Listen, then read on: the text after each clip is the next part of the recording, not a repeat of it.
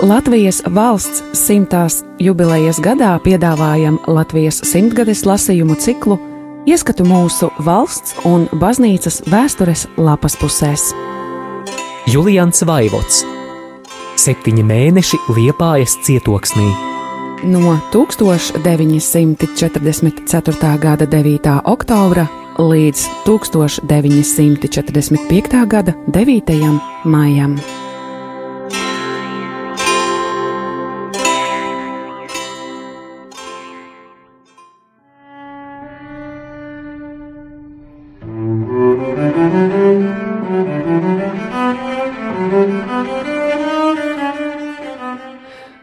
1945. gada 9. februārī. Pirms daudz, daudz gadiem, vēl tanīs laikos, kad Poliju pārvaldīja karaļi, kurus poļi parasti vēlēja no svešu tautu piederīgiem, viens bija padevies sevišķi labs saimnieks. Par viņa valdīšanas laiku poļiem radies sakām vārds: Zakruļa sasa pīļi, jeģļi i popušķaļi pasa kas nozīmē, ka karaļa saksieša no saksijas laikā ēda, dzēra, jostas brīvāk palaistami. Sen jau poļiem nav karaļu. Šodien nav vairs arī pašas polijas. Laiki, kad poļi ēda, jostas atlaizdami aizgājuši aiz treideviņiem kalniem. Tāpēc jādomā tagadējie poļi tos labos laikus nemaz neatceras. Citādi ir ar mums, latviešiem. Karaļu mums nekad nav bijis, bet labs saimnieks tik nesen vēl bija, kad desmitgadīgie bērni labi atceras laikus, kad latvieši ne tikai paši ēda speķi un sviestu, taukainos pirkstus matos slaucīdami, bet ar šīm vērtīgām barības vielām apgādāja visus tuvākos kaimiņus lielajās valstīs. Citu rūpju tanīs laikos nebija kā domas, kas nopirks ražojumus, kurus paši nebijām spējīgi patērēt. Uz cītīgāku patērēšanu latviešus zemes tēvs skubināja gandrīz vai lūgdamies. Kas neatceras to kampaņu laikrakstos, kad latviešiem gribēja iestāstīt, ka nepietiek tējas glāzē iebērt divas cukura karotītes, bet jāpiemet vēl trešā. Jelgavas maize bija smalka un garšīga, bet saimnieks it kā nejauši bija atklājis, ka dobeles maize ir garšīgāka, jo tā pienā jaukta. Tāpēc arī citām pilsētām ieteica tādu cept. Latviešu bērni, liekas, tad nemaz nezināja, ka piens labāks par tēju. Tāpēc vadošie vīri visādi centās to iestāstīt sevišķi skolēniem un slavēja skolotājus, kuri tējas vietā savus audzēkņus skolā dzirdīja ar pienu. Ne tikai lauksaimniecības ražojumi vien tika ieteikti, pat veselas izstādes rīkoja, lai namamātēm iestāstītu, ka vārīšana ar gāzi un sevišķi ar elektrību ir ērta un lēta. To pašu enerģiju ieteica arī telpu apsildīšanai, aizrādīdami, ka pat tik lielu telpu kā baznīcu apsildīšana ar elektrību lētāka nekā ar malku. Un cilvēki tiešām arī bija pārliecinājušies, ka labāk dzīvot, kur var telpas ne tikai apgaismot ar elektrību, kas pa lielākai daļai pat uz laukiem bija iespējams, bet arī apsildīt. Tāpēc pamazām visi vācās uz pilsētām. Nebija nekāda liela nelaime, ka brīžiem pilsētās sāka pietrūkt darba, jo priekš tam jau cilvēki maksāja tiešus un netiešus nodokļus, lai bezdarbnieku fondā nepietrūktu naudas, un tās arī bija pa pilnam.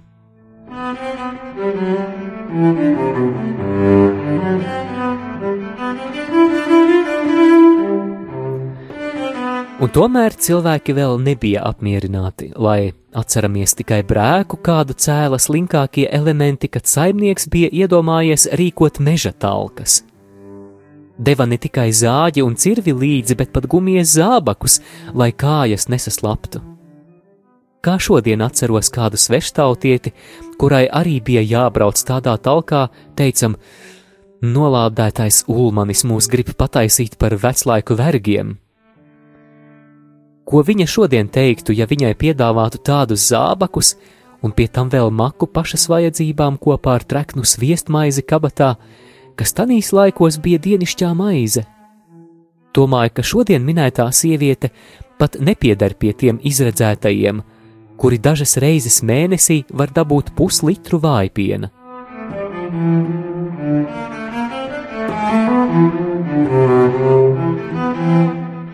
Poļi savam karalim kā pateicību vismaz sacerēja sakām vārdu, lai mūžam labos laikus atcerētos. Bet ko latvieši savam saimniekam? Taisnība, arī tagad mums neiet vēl pavisam tā, kā jau minētiem poļiem atkal citos laikos ir gājis kad nav bijis ne maizes, ne tabakas, un kurus viņiem krievi mēdz atgādināt vārdiem: Daži ļahi, ni hļeba, ni tabaki. Mums vēl maize ir, kaut gan uz gramiem tiek svērta katram. Bet ar tabaku gan tik knapi, ka pat pīpe jāmet krāsnī vai sienas smelta jāber pīpē. Abas izējas pīpaņiem nepieņemamas. Ar gaļas produktiem arī knapi, lai gan kaujamo zirgu vēl netrūkst. Šīs dienās manā dārzā pa nakti izdarīts nedarbs. Žoks un vārti pēc bombardēšanas ļauj brīvu pieeju katram, un to izlietojuši kādi pārdrošnieki. Starp ogulājiem nokāvuši neskur saķertu zirgu. Kad tas noticis un kas to izdarījis, nav zināms, bet par pastrādāto liecina atliekas svaiga zirga āda un kājas ar visiem pakaviem. Jā, šodien visās dzīves nozarēs josta jāsavelk ciešāk. Ar šo dienu ierobežots elektrības patēriņš. Gāzi jau no 5. februāra dot tikai dažas stundas dienā. Pie tam pilsoņi tiek brīdināti ieturēt vislielāko taupību, lai patēriņš nebūtu vēl tālāk jāierobežo ar likumu. Dažādu elektrisko aparātu lietošana jau sen noliegta, un sieviešu frizētavās atkal laistas darbā vecvecās matu skrūvēšanas šķēres. Thank you.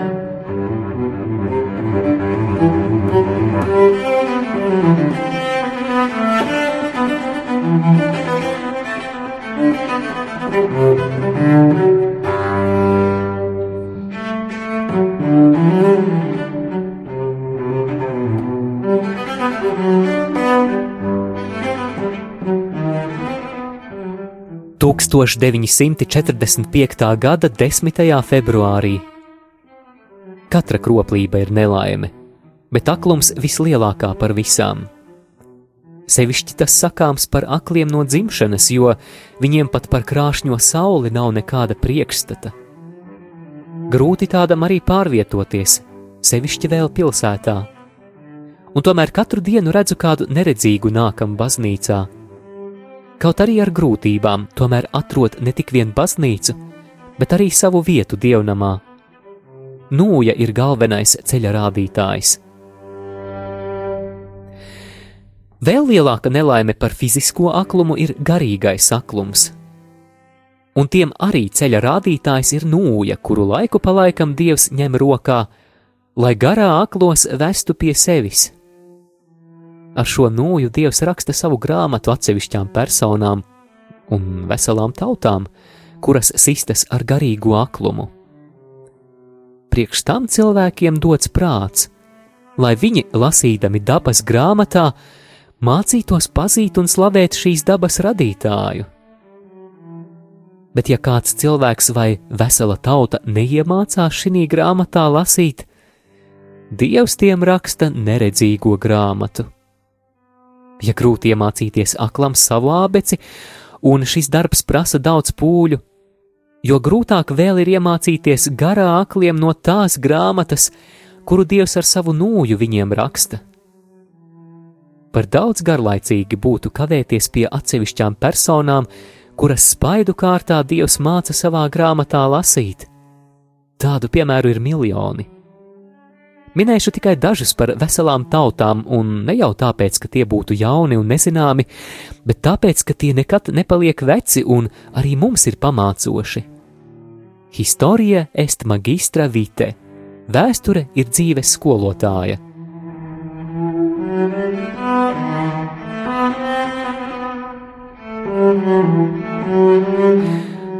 Vecajā derībā lasām, ka kādreiz cilvēki virs zemes tik tālu bija iegrimuši neticībā un novērsušies no dieva dotajiem likumiem, ka dievs sācis nožēlot, kāpēc vispār ir cilvēkus radījis, un tāpēc tā laika gara akliem rakstīja savu grāmatu, sūtīdams iznīcību caur ūdens plūdiem. Pie dzīvības palikušie zināja, kam jāpateicas par to, un arī viņu pēcnācēji vēl ilgi mācīja lasīt dieva grāmatā. Varens piemērs no dieva ar uguni rakstītās grāmatas priekš gara akliem ir grēcīgo pilsētu Sodomas un Gomoras iznīcināšana. Nāves jūra ir mūžīgs brīdinājums visām netiklībā iegrimušām tautām. Vai nenes lāstu arī vēlākās tautas, kuras Kristus mācību un paša dieva rakstītus likumus dabā un cilvēku sirdīs ir izmetušas no saviem kodeksiem? Barabam līdzīgi sēdēja troņos, lai slepkavotu un verdzinātu tos, kuriem dieva likumi bija par smagiem. Savā laikā milzīgā Romas impērija ar miljardiem pilno valsts kasi un miljoniem lielo armiju skaitījās pasaules centrs, jo visi ceļi veda uz Romu. Bagātība un vara sagrozīja galvu valdošajai šķirai, un sākās morāliskā pagrimšana.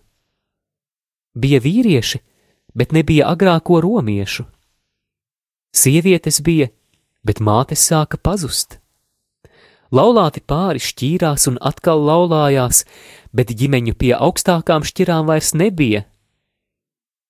Teātru un uzdzīves namu netrūka, bet labdarības iestādes pazuda. Viena ceturdaļa tautas dzīvoja izšķērdībā, un trīs ceturdaļas vergoja vislielākā postā. Tad Dievs ar barbaru tautu rokām rakstīja grāmatu garā aklajiem. No tagadējās Krievijas stepēm un no Reinas krastiem nāca tie, kas satrieca jauno bābeli. Vai šī grāmatā arī šodien nav negribot jālasa dažai labai tautai un pirmā kārtā vāciešu valdošai šķirai?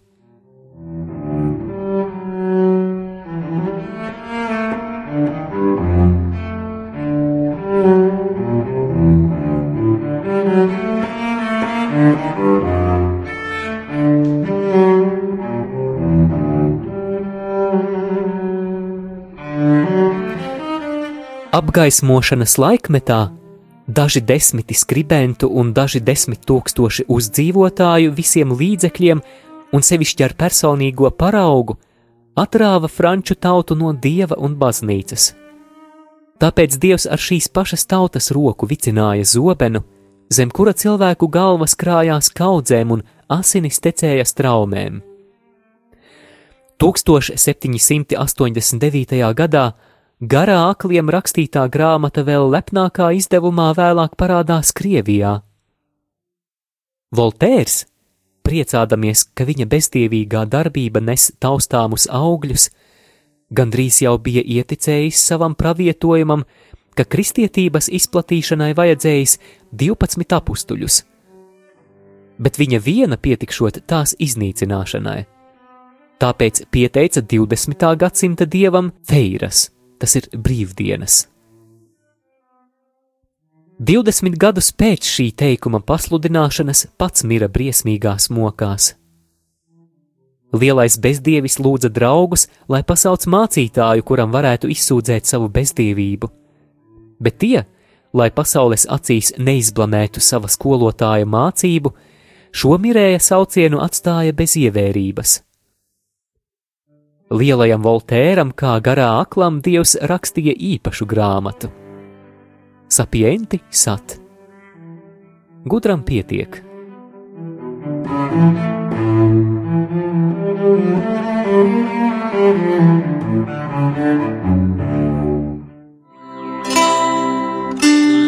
Radio Marija Latvija ēterā Latvijas simtgadēji veltīti lasījumi. Julians Vaivots septiņi mēneši liepājas cietoksnī. no 1944. gada 9. oktobra līdz 1945. gada 9. maijam.